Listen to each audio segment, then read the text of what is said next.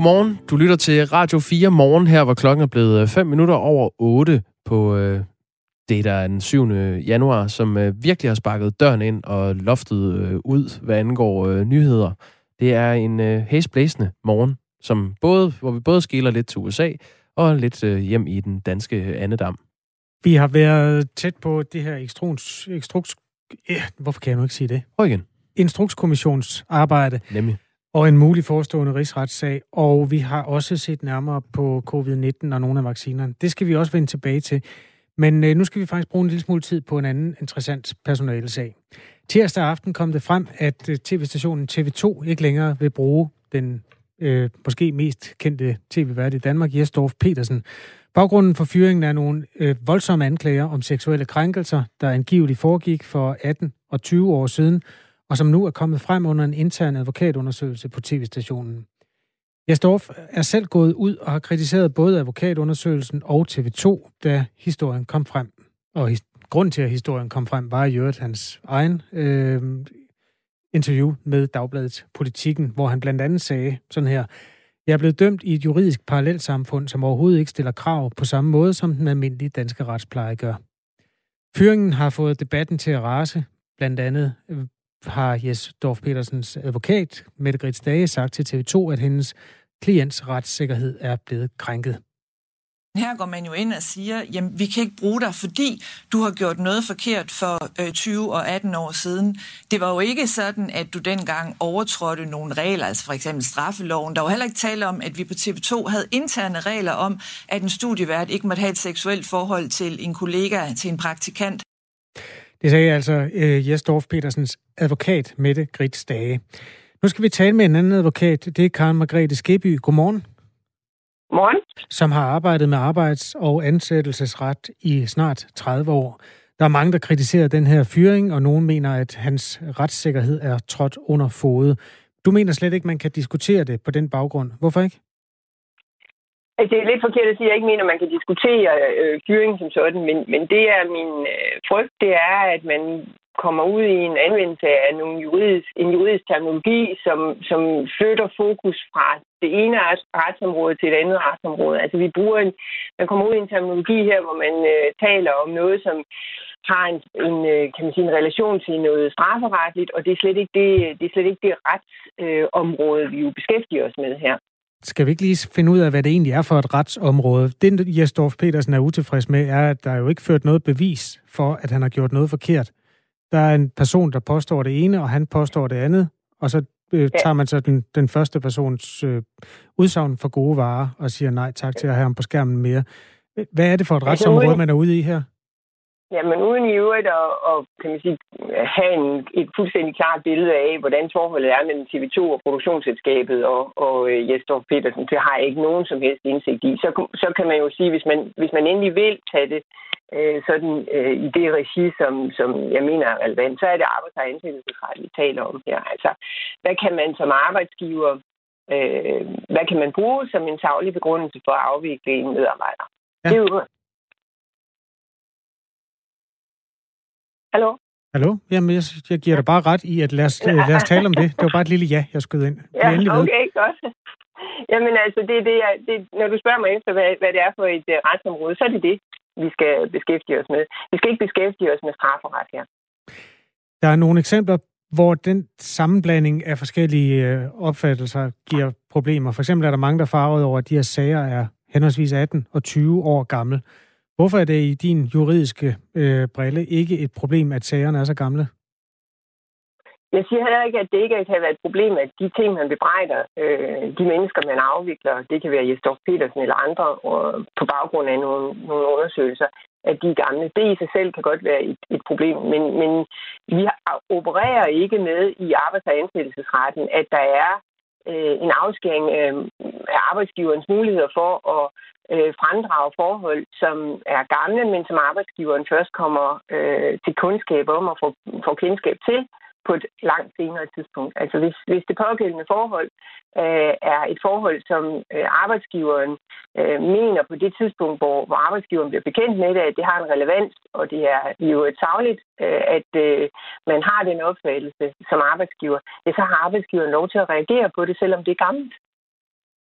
Det, som man gør gældende fra Jesdorf Petersen og hans advokats side, er, at de regler, som, og nu kalder jeg dem regler med sådan lidt citationstegn omkring, som er overtrådt, ikke eksisterede på det tidspunkt.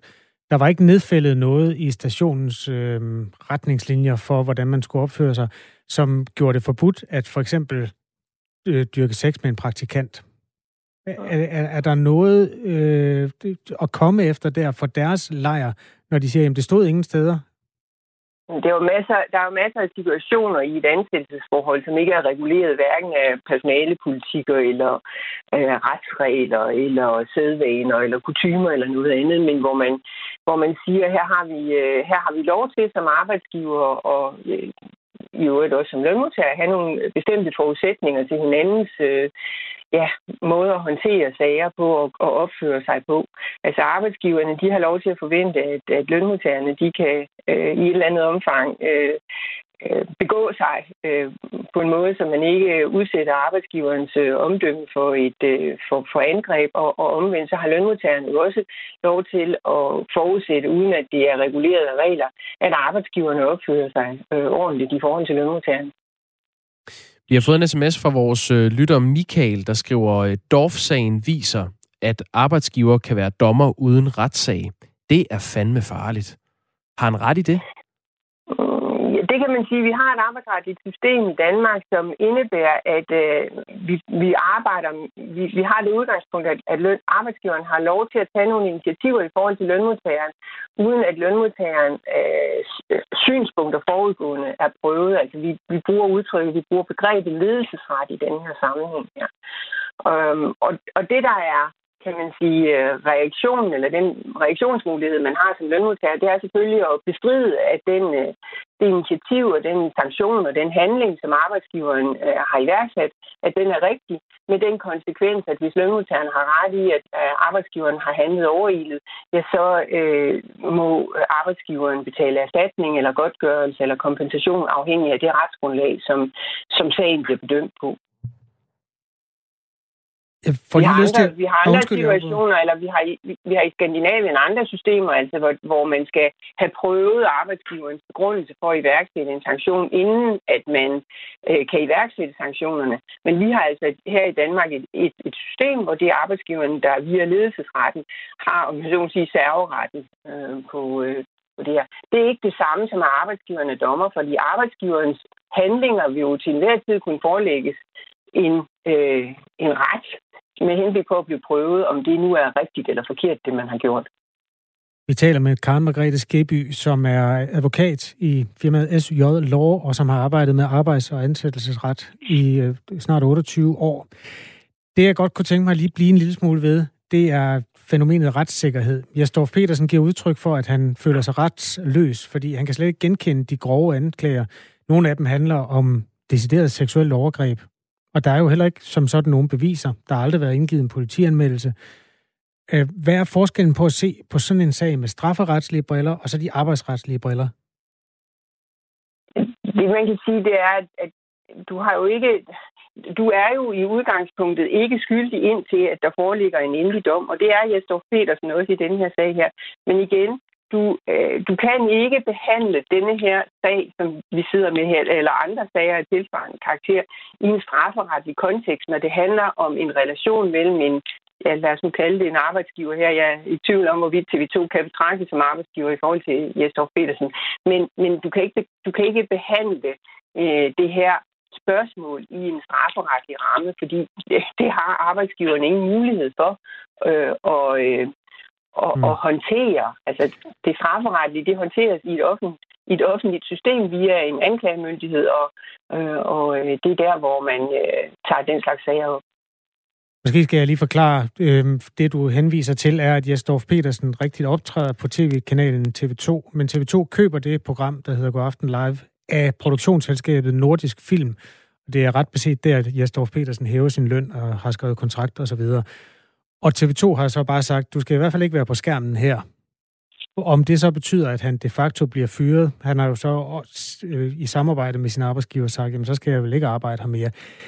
Det er øh, i og for sig i den her sammenhæng måske ikke det vigtige. Ja, vi bliver bare lige ved den der voldtægtsanklage, som det jo er. hvis det var ude i det fri, ude i det virkelige, øh, den virkelige verden, hvor nogen kom og sagde, at, øh, de har, at jeg har voldtaget en eller anden for 20 år siden, så vil jeg da forsøge at blive renset. Hvorfor har man ikke den mulighed i det her arbejdsretslige system? Altså, nu, nu vil jeg slet ikke, kan man sige, operere med den præmis, som du opstiller, at nogen har sagt, at øh, der foreligger en voldtægt her. Det, det vil jeg godt lige med det samme sige. Det har vi Hvorfor vil du ikke, ikke noget belæg. Det står der, der jeg, jeg, Nej, det står den, den diskussion synes jeg, vi skal undlade, fordi det har vi slet, slet ikke belæg for at hæve det i den her sammenhæng her.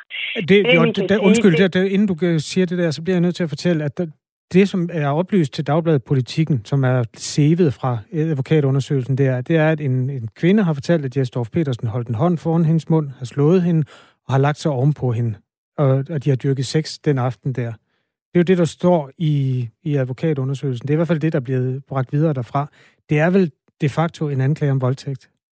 Det ved jeg ikke. Jeg ved ikke, om det her det kan, kan kvalificeres til at være en voldtægt, fordi det er et meget konkret, øh, det er en konkret juridisk subsumption, som skal foretages. Så, Seksuelt overgreb, så kan vi bruge det ord og så snakke om det derfra? Vi kan tale om, at der har været den hændelse, som blev beskrevet i, i politikken, hverken mere eller mindre. Og det, der er, det, det, der er dit spørgsmål i den her sammenhæng, det er, hvorfor Jesdorf Petersen øh, ikke går ud og forsøger at blive renset for det i, i en øh, given sammenhæng. Og det kan Jesdorf Petersen for så vidt også godt, fordi han ville jo kunne rejse en, en sag om injurier, øh, æreskrænkelser øh, mod den person, som har fremsat nogle øh, beskyldninger af den her karakter øh, over for ham. Men det har stadigvæk ikke noget med en straffesag vedrørende det konkrete forhold at gøre. Okay. Men arbejdsretligt, når en hvad skal man sige, når man internt bliver beskyldt for sådan en hændelse der, hvis vi nu siger, at den aldrig var havnet på politikens forside, har man så mulighed for at øh, bede om at blive renset for den?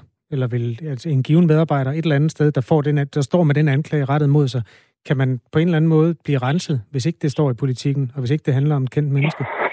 Eller er man retsløs? Ja, det kan, det kan man så. Altså i det øjeblik, at en arbejdsgiver får forelagt en, øh, en øh, klage over en øh, anden medarbejder, øh, for så vidt angår den pågældende øh, måde at håndtere øh, en, en øh, situation på, ja, så arbejdsgiverne, så skal arbejdsgiveren i kraft af ledelsesretten igen jo gå ind og forsøge at finde ud af, hvad er hoved og hale i det her, øh, med henblik på at sørge for, at der øh, bliver ryddet op i det, og at øh, de øh, mennesker, som er involveret, de parter, som er involveret, bliver, om jeg så må sige, kaldt til orden og øh, får at vide, hvor, hvor øh, de står henne øh, i forhold til arbejdsgiveren. Men arbejdsgiveren kan ikke gøre andet end at, om jeg så må sige, klare forholdene af i forhold til selve ansættelsesforholdene. Arbejdsgiverne kan jo ikke øh, har ingen øh, ret eller mulighed for at klare forholdet af mellem de to mennesker indbyrdes.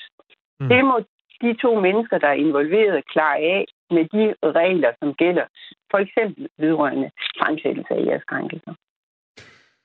Jamen, øh, det sidste ord er slet ikke sagt i den sag nogen steder fra, men øh, tak fordi du vil øh, sige nogle ord om den, Karen Margrethe Skibby. Selv tak. Godmorgen. Godmorgen. Godmorgen. Netop det med grænserne og frygten for at blive straffet, det har faktisk fået øh, fotografen Jan Grarup, altså krigsfotograf, og nogen husker ham sikkert også som radiovært her på Radio 4. Han har nu meddelt på sin Facebook, at han ikke længere vil ansætte kvindelige assistenter. Den, mm. øh, den, den tager det? vi med ham på den ja, anden side. Det ja, det er interessant. Lige for nu er klokken, øh, ja, og det, det er jo et sandt nok, altså vi taler med ham om øh, et kvarter. Lige nu er klokken 19 minutter over 8.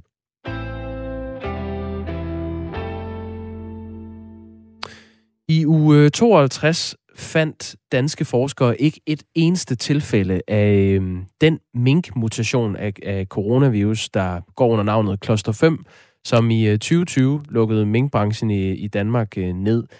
Det viser en ny opgørelse over de sekvenser fra de positive covid-19-prøver i Danmark fra Statens Serum Institut, som man har lavet for uge 52, altså den sidste uge øh, i sidste år. Derfor bliver kloster 5-mutationen nu betragtet som værende uddød i Danmark. Men nu er det så den ekstra smitsomme britiske coronamutation, der lige nu er skyld i, at hele Danmark er underlagt endnu strammere restriktioner.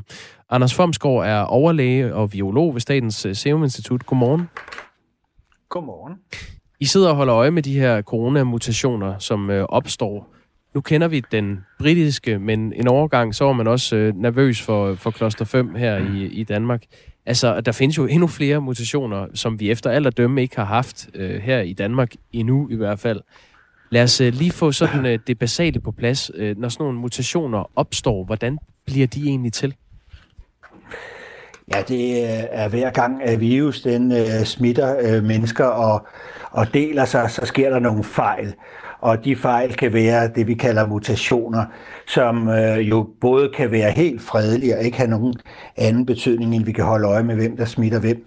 Øh, men det kan også have en biologisk konsekvens. Vi har for eksempel i Danmark indtil nu over 9.000 varianter registreret, men de biologiske varianter, de er relativt øh, få, og det er dem, der kan vi holde øje med, som de kan give mere sygdom. Dem har vi ikke fundet nogen af.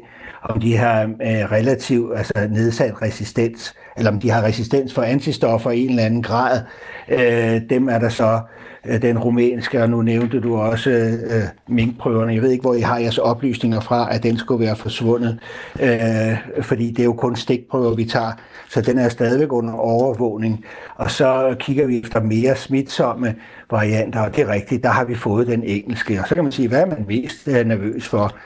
Ja, ja altså hvis, øh, hvis man er nedsat antistoffølsomhed, men ikke spreder sig, så er det ikke så alvorligt. Der er dog den her sådan, rumænske variant, som har lidt nedsat følsomhed for antistoffer, og som har spredt sig til et niveau i hakkeorden med de andre virus på omkring 10 procent af de smittede. Og så har vi altså fået den her britiske variant, som hen over julen har fået sit indtog i, i Danmark, og som øh, spreder sig. Det er vi faktisk ret, øh, tager vi meget alvorligt fordi det kan give en meget stejl og meget høj epidemikurve, altså mange inficerede øh, lige pludselig, og øh, vores øh, Øh, regnefolk øh, øh, og modelleringer kan se, at allerede inden for de næste 4 til seks uger, så vil det være den, der dominerer fuldstændig og udkonkurreret de fleste af de andre, altså mere end 50 procent af de andre cirkulerende virus i Danmark. Og kan man sige, nå ja, men hvis ikke den er mere dødelig, eller hvis ikke der er nogen øh, problemer med vaccine eller antistoffer, hvad så er problemet? Ja, det er, at vi får rigtig mange smittet. Øh, og en vis procentdel af det, måske 5 procent, de bliver altså syge, alvorligt syge på hospitaler, og en vis procent dør. Så det er det, der kan belaste vores øh, sundhedssystem. Vi kan huske Højnekes øh, øh, røde bjerg frem for den bløde grønne bakke. Så det er altså, vi mm. er lige på vej ind i den her øh, røde bjerg med den her nye infektion, som jo egentlig er betragtet som en ny øh, epidemi. Øh, Anders Formsgaard, øh, lige sådan for en god undskyld, når, når jeg øh, siger, at øh, det, den bliver betragtet som værende uddød øh, kloster 5 mink-mutationen af coronavirus, øh, så er det på baggrund af en artikel, som øh, TV2 har skrevet, hvor de, øh, de skriver om, at, at man har undersøgt de her lidt over 10 procent af de positive øh, covid-19-prøver fra den næst sidste uge i 2020, og til det øh, siger professor i immunologi, Jan Brausgaard Christensen fra Københavns Universitet, at den er så godt som, som uddød i Danmark. Så det er, det er på det er den rigtigt, at kloster 5 øh, har vi ikke set, men der var jo mange andre mink-varianter, som cirkulerede i Jylland og, og Midtjylland. Og der er vi stadigvæk ops på, om der skulle være nogle lommer tilbage. Men du har ret i, hvis vi kun siger den ene variant, som der hedder kloster 5, men der er jo så øh, ret, der var jo ret mange varianter, som heldigvis øh, faldt bort efterhånden, som øh, smittekilden øh, øh, blev taget hånd om. Nu, nu sagde du før, at der var ret mange. Hvor mange mutationer er I opmærksom på lige nu i Statens Serum Institut? Ja, vi holder jo mest øje med dem, der har den her biologiske øh, konsekvens. Så vi holder øje med øh, den engelske, vi holder øje med, fordi den spreder sig, den øh, som vi øh, kunne kalde rumænsk, vi kalder den 439. Øh, og så holder vi øje med, om der skulle komme nogle af øh, det her sydafrikanske, øh, som vi ikke har set endnu. Så det er dem, vi, vi holder øje med, og vi har så sat en ekstra PCR op i Testcenter Danmark, som også er delt med hospitalernes mikrobiologiske afdelinger, så vi både kan få et indtryk af, hvor udbredt den og hvordan den spreder sig hos de raske og hos øh, de syge. Øh, så, så det er vores strategi indtil nu, og så vil vi derefter type bestemme fremover, øh, hvad der kan være for nogle typer, som der er særlig opmærksomhed på. Øh, Anders Fomsgaard, jeg, jeg ved ikke, om det er mig, der har sovet i timen, men den rumænske har jeg faktisk ikke øh, set dækket så intensivt som den britiske i nyhedsmedierne. Kan du fortælle noget mere om den? Øh, ja, den, øh, det er rigtigt. Det, det er jo fordi, den første gang blev beskrevet i Østeuropa, og det er jo sådan ikke helt fair. Den er så fundet i flere andre lande, inklusiv Danmark. Det var øh, øh, international publikation fra Kina faktisk, der sagde, der viste, at den havde en let nedsat følsomhed for de her beskyttende antistoffer, og derfor havde man fokus på den. Og den spredte sig så i Danmark op til et niveau, som vi har omkring 10 procent, øh, og har ikke spredt sig yderligere. Og det var det, jeg mente med, at de her virus slås jo også med hinanden om at overleve. Øh, den bedste øh, må overleve, og den finder sig i hakkeorden et niveau omkring de her 10 procent. Og det kan jo være, hvis vi skal være lidt optimistiske på den, at den engelske variant kunne måske udkonkurrere den her, øh, så vi er af med den. Men vi regner ikke med, at det skulle have nogen konsekvens for, for, for vores øh, vacciner. Og så er der nogle andre varianter, vi har haft under observation, fordi de set at kunne give en øh, reinfektion, altså efter en overstået infektion, kunne der, har man fundet en anden variant.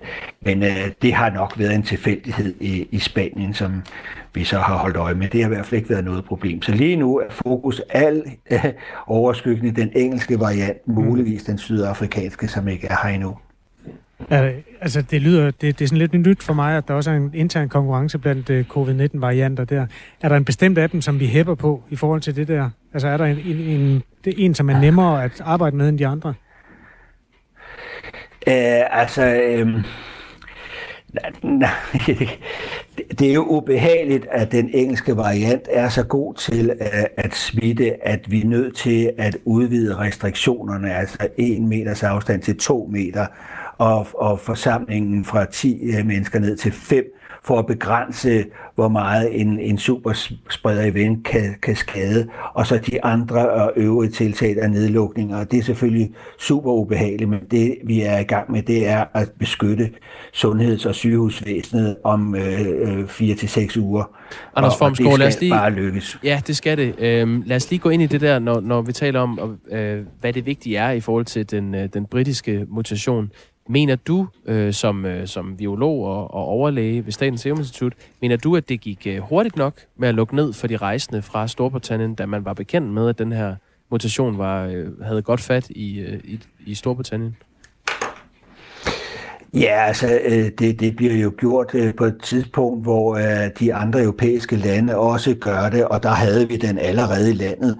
Altså vi er jo duksedrengene, der havde et super godt overvågningssystem, hvor vi sekvensbestemmer omkring 10, 20, 25 procent af alle de positive. Det er der ikke nogen af de andre lande, der er så højt op. England er på 4 til 5 til 10 procent måske af deres virus, de sekventerer. Så vi opdagede den og meldte den ud til resultat så i Sverige lukkede grænser. Øh, ej, der har også været andre årsager til det, men altså på en måde blev vi lidt straffet for at, at have så godt en overvågning, at vi fandt den, og de andre lande, de havde den jo ikke, fordi de ikke kiggede efter den, så begyndte at kigge efter den, så var den jo altså både i Italien og, og, og Holland og andre steder. Så, øh, så vi var tidligt ude, øh, og så er det nu, at vi kan se, at den begynder at stige, og vi frygter, at den kommer til den eksponentielle øh, fase, hvor det går rigtig stærkt og meget hurtigt altså øh, høje smittetal. Og det er det, vi prøver at undgå for enhver pris. Anders Formsgaard, overlæge og virolog ved Statens Serum Institut, hvor man altså overvåger, hvor mange mutationer en gang til. Bare lige kort svar. hvor mange vi har. Ja, altså, de her varianter har jo mange mutationer i sig, og så kalder vi den virus for en variant. Men hvor mange er det? Bare lige så vi har et tal at gå ud på. Som vi holder øje med? Ja. Ja, vi holder øje med en 3-4 stykker, og i Danmark okay. har vi haft øh, over 9.000 varianter, siden det her startede i marts. Anders Formsgaard, tak fordi du var med. Selv tak. Radio 4 Morgen, som du lytter til, øh, det er simpelthen en, en, en ny status på den rumænske variant, der kæmper lidt med den sydafrikanske og den engelske om at øh, indtage Danmark. Og det går i øvrigt øh, nogenlunde dårligt for dem alle sammen, i det, at øh, der for første gang i noget tid er væsentlig tilbagegang i antallet af indlagte, som er gået tilbage med over 50 og nu er på 886. Lad os håbe, det går den vej fortsat. Du lytter til Radio 4 morgen. Nu er der nyhedsoverblik.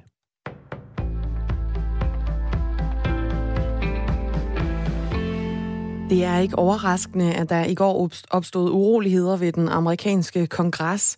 Det siger Jørgen Brøndal, der er professor og leder af Center for Amerikanske Studier ved Syddansk Universitet. Jeg er ikke overrasket over, at der opstod en eller anden form for uro. Det var vi klar over måske kunne ske, fordi vi vidste, at Trump fuldkommen grundløst har hævdet gang på gang på gang, at han er blevet snydt for en valgsejr. Selvom der har været øh, godkendelse af valgresultatet i samtlige 50 stater, selvom en svingstat som Georgia har optalt sine stemmer tre gange, øh, og selvom valgmandskollegiet for længst har talt.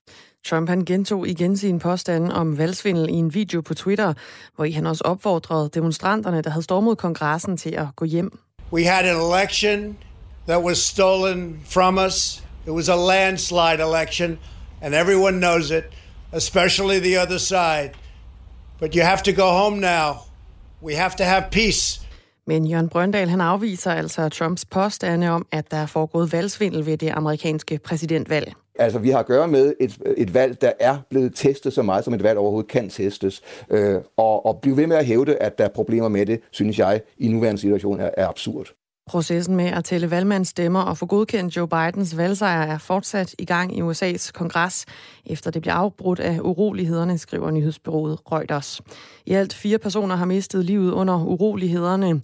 Det oplyser Robert J. Conti, der er chefen for politiet i Washington D.C. Samtidig så er flere end 50 personer anholdt i forbindelse med optøjerne. På trods af det nye forbud om at samles flere end fem personer herhjemme, så er det fortsat lovligt at samles op til 10, hvis man deler husstand eller er i hinandens nærmeste pårørende. Det betyder, at man ikke bryder forsamlingsforbuddet, hvis man for eksempel går en tur med sine forældre og op til syv søskende. Det fremgår en bekendtgørelse om forsamlingsforbuddet, som er blevet offentliggjort. Her blev begrebet nærmeste pårørende defineret som en persons ægtefælle, faste samlevende, faste partner, forældre, søskende eller børn. Men man må altså stadig aldrig samles flere end 10 i det offentlige rum, selvom man er nærmeste pårørende til hinanden. Og to danskere er døde få dage efter, at de er blevet vaccineret med coronavirus, oplyser Lægemiddelstyrelsen. Det gør de en status på overvågningen af vaccinen. I begge tilfælde vurderes det som mindre sandsynligt, at der er sammenhæng med vaccinen, og det var forventeligt, siger Tanja Eriksen, konstitueret enhedschef i lægemiddelovervågningen. Ja, altså når vi er ude og vaccinere i, i skrøbelige grupper, så vil der også øh, være dødsfald, øh, og de mennesker, øh, de vil dø uanset om, om de er vaccineret eller ej.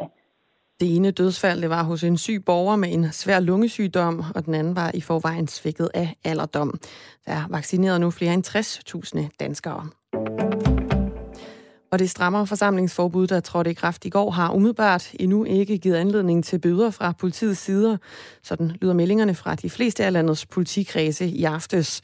Med det nye forbud, så er det ulovligt at samles flere end fem personer, mens det før var i orden at være op til 10 personer. Forbuddet det skal begrænse smitten med coronavirus. Det bliver skyde vejr i dag, og så kommer der perioder med nedbør, mest som slud eller sne, men stedvist også som regn. I dagens løb, der får de nordvestlige egne af landet mest tørt vejr.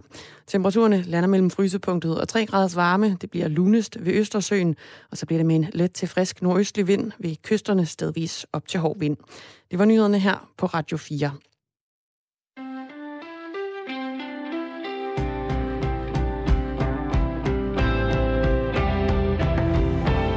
Radio 4 Morgen hedder radioprogrammet her. Klokken er 8.34. Vi har selvfølgelig fulgt de begivenheder, der udspiller sig, eller har udspillet sig. Der er ro på i USA igen. Vi håber, det bliver ved med at være sådan, men skal nok øh, følge op på sagen, også hvis der sker nyt af den kedelige slags. Fire mennesker har mistet livet under urolighederne ved kongressen i Washington D.C. i går. Der er også, ja, vi har fulgt øh, til dørs, hvad der er af nyt i forhold til Instrukskommissionen og Inger Støjbergs-sagen. Vi følger også op på øhm, covid-19, diverse varianter og i øvrigt vaccinen der. Må jeg lige sige, at der er ikke noget nyt om Lars Løkke Rasmussen. Han har ikke stiftet noget nyt parti. Nej, hvad med hans hund uh, Beauty? Han har heller ikke fundet sin hund Beauty. Mm.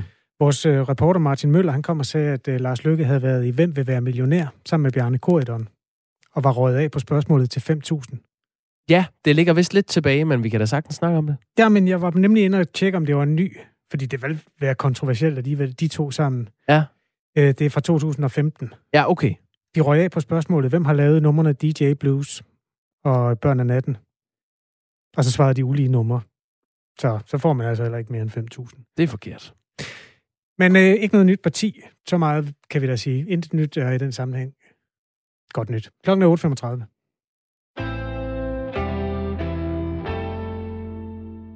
Jeg elsker unge fotografers energi. De er sindssygt dygtige. Jeg nyder at se deres arbejde og føler mig øh, beriget af deres resultater, men festen stopper her. Fremadrettet arbejder jeg kun med mænd. Så lyder det i et Facebook-opslag fra fotografen Jan Graup. Opslaget er øh, skrevet som en reaktion på, at TV2 har vurderet, at øh, TV2-vært Jes Dorf Petersen for 18 og 20 år siden øh, udsatte to tidligere journalistpraktikanter for øh, seksuelle overgreb eller sexikane, og derfor ikke længere kan være vært øh, på TV2. Det er en vurdering, som Jesdorf Petersen selv offentligt har øh, modsat sig. Jan Graup, fotograf, godmorgen.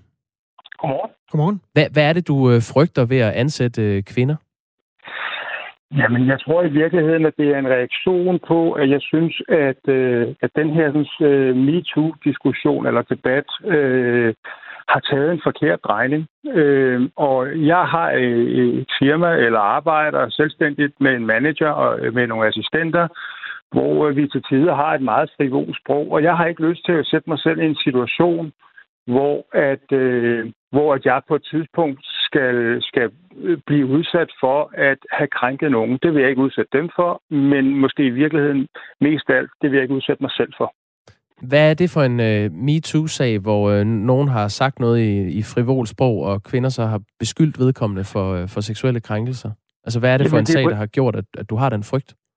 Jamen, det er jo præcis det, jeg ikke ved. Altså, jeg, jeg, jeg, jeg kan bare ikke længere øh, navigere i det, der sker lige nu. Og det synes jeg er, det, jeg synes for det første, det er meget problematisk. Øh, men, men, jeg, men jeg må sige, at det skræmmer mig også, at, øh, at, at sidde i en situation, hvor at, at man skal lægge et beslag på sig selv øh, alene ud fra frygten om ikke at komme til at krænke nogen, fordi de krænkelser kan jeg ikke, kan jeg ikke længere finde rundt i. Jeg, jeg ved simpelthen ikke, hvad der er, er, er korrekt øh, eller ikke er korrekt længere. Og, det, øh, og derfor så har jeg bare truffet en beslutning og sagt, øh, at øh, det vil jeg ikke være med til. Hvad, hvad er det for nogle øh, konkrete sager, Jan Graup? Det er det, jeg er lidt interesseret i. Altså, hvad er det, der har gjort, at du er i tvivl? Er det Frank Jensen, der har slikket på øh, nogle ansatte? Eller hvad, hvad er det, der har gjort, at du er i tvivl om, hvad, hvad du må? Nej, det handler ikke om Frank Jensen. Det handler i, i, i, i, i til syvende og sidst, og i det her tilfælde, om, om Jes Dorf, som, øh, som jeg øh, kender og kun øh, kender som et, et, et meget, meget øh, åbent og ærligt menneske. Øh, og jeg, jeg er utrolig ked af at se, at han skal trækkes igennem den her mølle øh, nu. Øh, og, og det, er jo, det er jo lige så tydeligt, at man i den her sag heller ikke, eller han heller ikke selv ved, hvad fanden det er, han øh, øjensynligt skulle have gjort. Men gør det, at øh, han er uskyldig? Men det ved jeg ikke. Gør du? Nej, det ved jeg heller ikke. Men der er jo en øh, advokatundersøgelse, som, som har været i gang øh, på ham, så det ved de vel mere om. Altså, hvad er det, der gør, at, at du bliver i tvivl om, hvad, hvad du kan gøre over for kvindelige ansatte? Det, jamen, men det er ikke et spørgsmål om... Jeg ved godt, jeg ikke kan slægte øh, folk i øret. Jeg ved også godt, hvordan jeg kan tale til folk, og hvordan jeg ikke kan tale til folk. Men jeg vil bare ikke være i en situation, hvor at jeg skal lægge beslag på, på, på, den, på det, det, den virksomhed, som, som jeg nu engang har, øh, ud fra devisen om, at folk kan blive krænket. Og derfor så har jeg bare valgt at så sige, jamen så er jeg heller fri. Men, men det er det, jeg prøver at komme ind til, Jan Grav. Hvad er det, hvad er det for noget, der gør, at du er i tvivl om, øh, at du har et frivolt sprog, og at du så om nogle år kan blive hængt ud som en krænker? Altså, hvad er det for en sag, der har fået dig til at have den tvivl? Jamen, det er præcis som jeg siger, at jeg ikke længere kan navigere i det.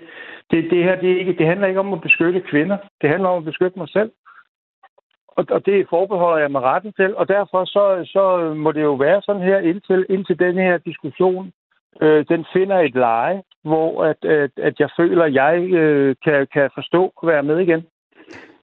Lad mig spørge dig om noget andet, Jan Graup. Begår du overgreb mod dine ansatte? Nej. Hvorfor frygter du så, at kvindelige ansatte vil beskylde dig for det i fremtiden?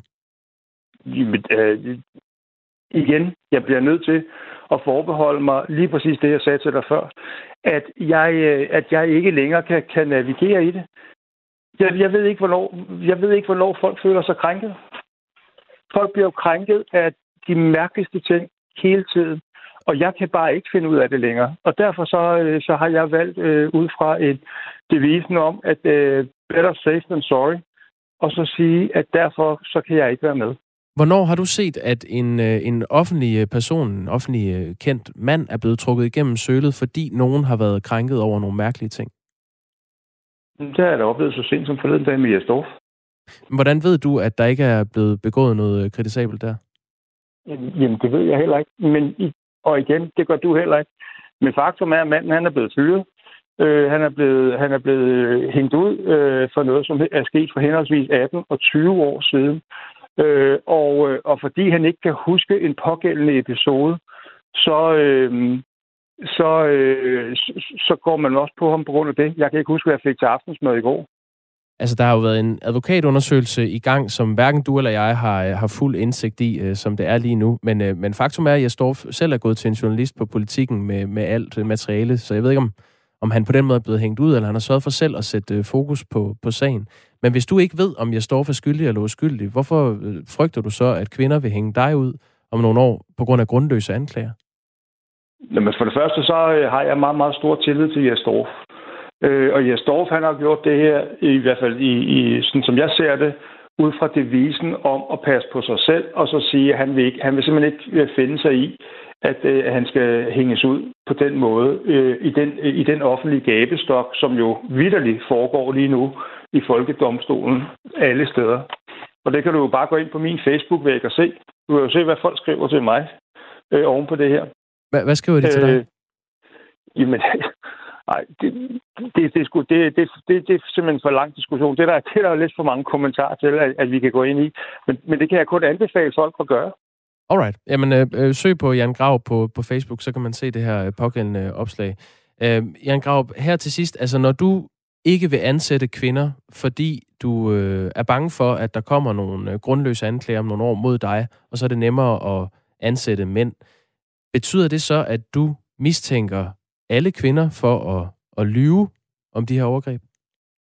Nej, det, det gør jeg faktisk ikke. Jeg er helt overbevist om, at der har været sager, øh, og der er mange sager, hvor kvinder har været udsat for noget, som absolut ikke er i orden. Øh, så det gør jeg ikke. Jeg siger bare, at jeg bliver nødt til, øh, ud fra devisen om, hvem jeg er som menneske, og den, den omgangstone, som jeg har med min manager og med de assistenter, jeg i perioder har ansat, øh, ikke skal være en situation, hvor der pludselig er nogen, der sidder og føler sig stødt. Tak fordi du var med, Jan Grav. Det var så lidt. Fotograf. Og øh, ja, tidligere været her på kanalen også, kan man jo lige sige. I orkanens øje. Klokken er blevet 17 minutter i øh, 9. Du markerer, Kasper, med dine fingre. Jeg har bare nået ind på Jan Gravs øh, Facebook. Der står blandt andet, der Johannes skriver, det var da en underlig udmelding, men klart, hvis man er nervøs for at blive udstillet, fordi man ikke kan holde sig i skinnet, når man har en kvindelig assistent, så er det nok en klog beslutning, så er de bedre tjent i et andet miljø, skriver hun, og får, nogen giver tommelfinger, nogen giver sådan en, oh, what? Øh, øh undrende. Wow. Øh, wow hedder øh, den, ja. ja. Så er nogen, der griner. Øh, Michael skriver, kun unge assistenter, så røg min chance desværre, grinesmiley. Jeg er helt enig, MeToo er for meget. Øh, Manu Seren. Det er den Manu Seren. Det er trist, men forståeligt. 27 øh, likes, blandet med sorte røde hoveder. Det er lidt forskelligt, hvem der mener hvad. Kate Blume, som er en af de øh, toneangivende i det øh, faglige journalistiske miljø herhjemme, skriver, Kære Jan, tak for det gode samarbejde, vi havde engang. Jeg tror ikke, at der blev gjort eller sagt noget, som nogen af os kunne have følt sig krænket af, selv i dag tværtimod.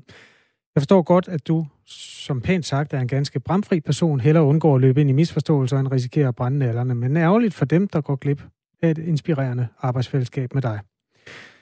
Ja, det var bare lige det. Der er jo kommet en opdatering fra den grav i går aftes, der skriver, må jeg anbefale alle, der synes, at jeg er et sexistisk røvhul at forsvinde ud af mit feed. Jeg er pisselig glad med jer. Det skriver Jan Grav som en hilsen, lige inden han gik i seng i går. Så fik vi øh, belyst den sag, Jan Graup, du er stadig på linjen. Du skulle lige høre, hvad der blev sagt, tænker jeg. Ja, jo, tak. Ja, det er fint. Det er godt. Så er du Øh, op i det. Godt. God, god dag. Ja. I lige måde, du. Hej. Hej. Øh, så ja, hvis du er mand, så kan du søge job hos øh, Jan Graup fremover. Klokken er øh, kvart i ni.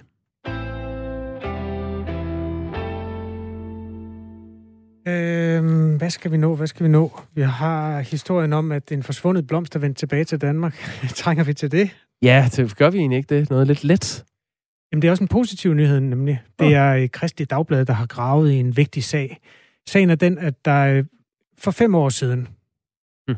det lyder ligesom starten på noget med Inger Støjberg, men det er faktisk øh, for fem år siden, i en skov på Sjælland, Ja. der fandt en biolog en undselig plante, og i fem år har man arbejdet med at prøve at finde ud af, hvad er dog det for en? Nå, okay. Kan du gætte, hvad den hedder? Nej. Det kan jeg godt forstå. Det er også et virkelig underligt navn. Kalk øjentrøst. Når det var sådan en, de fandt. Ja, det var det. Hvorfor bruger man fem år? Er det, fordi man lige skal sammenkøre den med samtlige kartoteker over kendte blomster? Eller hvad, hvad- hvad, er det for et arbejde, der går i gang? Det, der har gjort det svært, vil jeg starte med at forklare, det er, at den har været formodet uddød i Danmark i 60 år. Så det var ikke den første, man tænkte. Mm. Det kræver også sin biolog at få øje på sådan en lille gniderblomst og tænke, den der, den er da, den, den er interessant, for den, den ligner ikke de andre. Ja, der skal man have et trænet øje. Øhm, der, sagen er den, at øh, altså, det er en biolog, der hedder Axel Frederik Møller, som øh, helt tilfældigt fandt de første tre individer øhm, af den her ellers uddøde blomst. Men der kommer flere til, og det er en øh, botanisk sensation i Danmark. Han siger til Kristelig Dagblad, at øh, som følger, fordi der oprindeligt kun var tre planter, ville vi ikke plukke en og sende den til et laboratorium. Blandt andet derfor har det taget noget tid at få den bestemt. Men svaret fra både Sverige og Kew Gardens, som er en berømt botanisk have i London, er klart. Kolon. Der er tale om kalkåden trøst. Siger Alex Frederik Møller til daglig, øh, til Kristelig Dagblad. Og han er jo med i en frivillig gruppe af borgere, som arbejder for at pleje skoven, så den kommer tilbage i en mere naturlig stand. Tilbage står jo kun spørgsmålet, hvordan ser den ud? Det er et skide godt spørgsmål. Du har ikke printet et billede? Jeg har slet ikke fundet et billede, men øh, hold lige hesten, så kan jeg da lige google lidt. Jeg ved ikke engang, om der er nogen, der har lagt et billede op af den, fordi kalkøjentrøst, sidst man havde sådan en i Danmark, det er jo 60 år siden, der var internettet jo i sin vorten, mildest talt. Lad os se engang. Billeder, kalkøjentrøst. Jo jo, den er der. Det er da en nydelig lille Svend. Hvordan vil du beskrive den? Altså, nu er jeg jo øh, på ingen måde biolog, og det fremgår også, når jeg siger, at det ligner lidt en smørblomst. det gør det da ikke. En smørblomst er gul. Den er da også lidt gul. Ej, den er også den er hvid og gul, og en lille smule lilla ude for enden af sine blade. Det var simpelthen øh, dagens botaniske indslag. Botaniknyt med Jakob Krosen og Kasper Harbo. Klokken den er 8.48. Ja, lad os holde os fra det i fremtiden. Ja, tak. Jeg er ikke bekendt med, om vi allerede nu har øh, vores næste gæst, Mogens Lykketoft, med. Det tror jeg muligvis, vi har. Vi skal se nærmere på USA. Mogens Lykketoft, godmorgen. Godmorgen. Tidligere partileder af Socialdemokraterne og dansk udenrigsminister. Urolighederne i USA var jo voldsomme i går aftes. Øh, roen har sænket sig øh, med nattens komme, og til synlædende er der jo altså også øh, blevet anholdt det antal mennesker, der skal. Hvad øh, sidder du tilbage med for en fornemmelse for USA's velbefindende i øjeblikket? Ja, det er jo i hvert fald øh, meget, meget sent gået op for en hel masse mennesker i det republikanske parti, at de har øh, givet øh, støtte til en fuldstændig gal mand, og, øh, som har stort set alle menneskehedens dårlige egenskaber, og ikke et eneste af de gode, nemlig Donald Trump.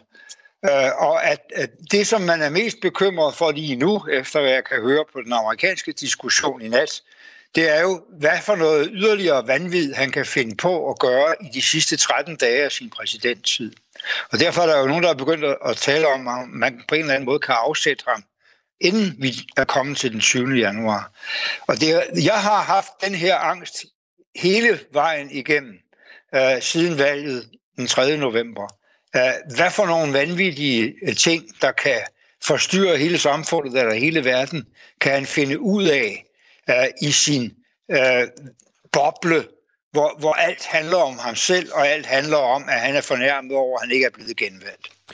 Måns Lykketoft, jeg har egentlig aldrig hørt dig sige noget sådan specielt flatterende. Du er virkelig ikke, som om du nogensinde har kunnet lide ham. Men det, du siger nu, er alligevel det skarpeste, øh, du endnu har, har sagt om Donald Trump. Er, er du helt sikker på, at han aldrig har gjort noget, der var godt? Ja, det er jeg så nogenlunde sikker på. Øh, ja, med alt det offentlighed, der har været omkring ham, så er jeg sikker på, at det ville være blevet kommunikeret, hvis han havde gjort noget godt. Altså udenrigspolitisk for eksempel har han jo altså, startet færre krige end sin forgænger. Ja, det kan man diskutere. Han har jo balanceret på kanten af at, at, at ville lave krig med Iran hele tiden. Han har åbnet en vældig handelskrig med Kina, som ingen har haft gavn af. Men, men det, som er med, med Trump først og fremmest, det er jo, at øh, han er en farlig mand i spidsen for et land og i spidsen for en verden, fordi han er nulsumspiller. Han mener kun, at han kan vinde, hvis der er nogen andre, der taber alt, hvad vi har prøvet at opbygge af internationalt samarbejde de sidste 75 år, går jo ud på en modsat antagelse, nemlig at vi har flere fælles interesser i den her verden, end vi har interessemodsætninger, og vi skal dyrke samarbejde, fordi de problemer, verden har, for eksempel klima, som han jo ikke vil gøre noget ved, har ikke vil gøre noget ved, det er kun noget, der kan løses i stærkere internationalt samarbejde. Så alt det, øh, der rationelt er nødvendigt at gøre i den her verden, det har han modarbejdet som præsident i verdens øh, stærkeste, vigtigste, mest magtfulde nation mm. i fire år. Øh, og nu ser vi kulminationen af det det lodrette vanvid, der foregår inde i hans hoved. Okay. Nu taler, altså, vi taler med Mogens Lykketoft, tidligere Socialdemokratisk partiformand og udenrigsminister og formand for øh, generalforsamlingen i FN, altså også tidligere. Og øh, Måns Lykketoft, nu har vi brugt, nu gik vi lige hævet os lidt i helikopterperspektiv. Nu zoomer vi ind på det, der skete i går aftes, i går igen, hvor øh, altså det begyndte med en form for rally, hvor præsident Trump øh, igen øh, gentog sin øh, påstande om angivelig valgfusk, og fik øh, i mange optik hisset nogle hårdere op til at gå op og indtage kongressen. Vil du kalde det et kupforsøg, det der foregik i går? Ja, det var det da. Øh, og, og, og, og, og det har jo også øh, passende rystet nogle af, af de folk, der, der hele tiden har ville holde hånden over eller støtte Trump, eller var bange for at undsige ham. Øh, men, men altså, øh, vi skal hele tiden huske, at påstanden om valgsvindel er blevet pandet ned øh, ved flere øh, end 60 forskellige retssager, øh, der, der er foregået siden 3. 3. november. Der er intet som helst grundlag for det. Men han har jo sagt allerede før valget blev afholdt, at hvis ikke han blev genvalgt, så var det svindel. Og det har han så holdt fast i, og det har han så fået, på grund af det der syge medieklima, der er i USA med de der ultra øh, højreorienterede bobler, øh, Øh, der har han kunnet fastholde millioner af mennesker på den forestilling, at valget er, er, er blevet svindlet med. Det er jo løgn, det er jo løgn, det er jo løgn, det er jo løgn alt sammen. Øh, men, men, men, men, men, men det, han har drevet frem, det er jo øh, en, en, en meget, meget stor del af befolkningen, som faktisk ikke tror på noget som helst. Øh, og det var det, vi så på Capitol Hill i nat. Altså, når du bruger udtryk, eller når du bekræfter, at der er tale om et kupforsøg, tror du så, altså mener du simpelthen, at han forsøgte at på en eller anden måde manipulere en, en opstand i gang, som han kunne bruge til at, at øh, omstyrte det gældende valgresultat? Jeg, jeg tror jo ikke, at han har haft nogen anvendelig plan, men der er ingen som helst tvivl om, at det er det, der har været hans hensigt. Først har han jo prøvet, om han kunne få de stater, som var nøglestaterne i udfaldet, få, få lovgiverne der til at underkende valgresultatet. Han har prøvet alle mulige metoder. Nu var det så hans, hans forestilling, igen en, en vanvittig fantasiforestilling, at hans vicepræsident skulle gå op i kongressen og sikre, at det blev stemt ned, hvad vælgerne havde besluttet om, hvem der skulle være præsident. Så han har afprøvet stort set alle muligheder for kupforsøg. Det fik vi jo også illustreret øh, i den der timelange øh, forfærdelige samtale, han havde med, med indrigsministeren i Georgia, om, øh, om ikke lige han kunne finde 11.780 stemmer ja. øh, øh, til Trump øh, her i slutfasen. Ikke? Altså, det er dilettantisk, Mm. Det er latterligt, men det er også fuldstændig livsfarligt.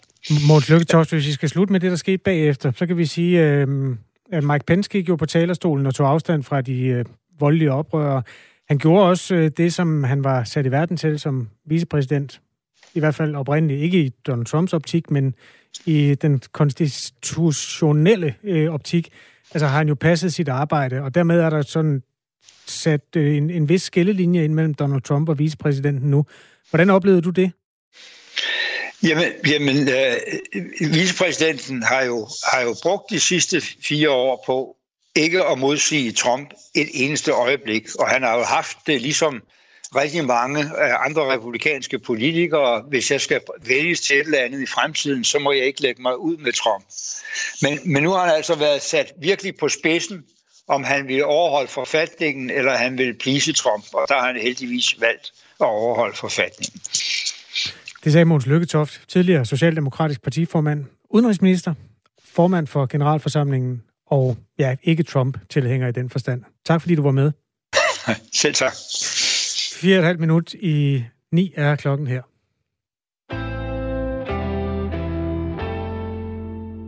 Lad os øh, slutte med en øh, musiknyhed fra øh, USA. Der kommer også øh, lidt mere sådan letbenede, lidt mere øh, glade ting deroverfra lige i øjeblikket. Vi fortalte jo i december om, at Bob Dylan, den øh, verdenskendte musiker Bob Dylan, havde solgt sit øh, bagkatalog for øh, det, der svarede til 1,84 milliarder kroner. Nu er der en ny, som øh, for det utrænede øre kunne lyde en lille smule som øh, Bob Dylan, nemlig Neil Young, en anden øh, bræende øh, folkemusikant, rockmusiker, øh, i min optik øh, legende, rockstjerne, Neil Young. Han har solgt sit bagkatalog nu til et øh, investeringsfirma for 908 millioner kroner. Cirka det halve. Ja, og der er faktisk også flere sange i, så med det kan man udlede, at øh, Bob Dylans sange er altså dyrere end øh, Neil Youngs sange. Hvis man lyder en lille smule som Neil Young, eller en lille smule som Bob Dylan, så er man sikker på at slå igen hos Thomas Treve i Ekstrabladet. Man skal bare ramme en af de to. Kan han godt lide Paul Krabs? Det har jeg ikke undersøgt. Nej, okay. Nå, uh, Neil Young, han har solgt uh, copyright og indtjening fra 1180 sange, det får han 908 millioner kroner for. Er det øh, det værd? Vurder selv. Heart of Gold fra 1972. Altså, i min optik det bedste Neil Young-nummer. Er du en Neil Young-mand? Mm, jeg kan godt lide det der. Ja, det er fedt.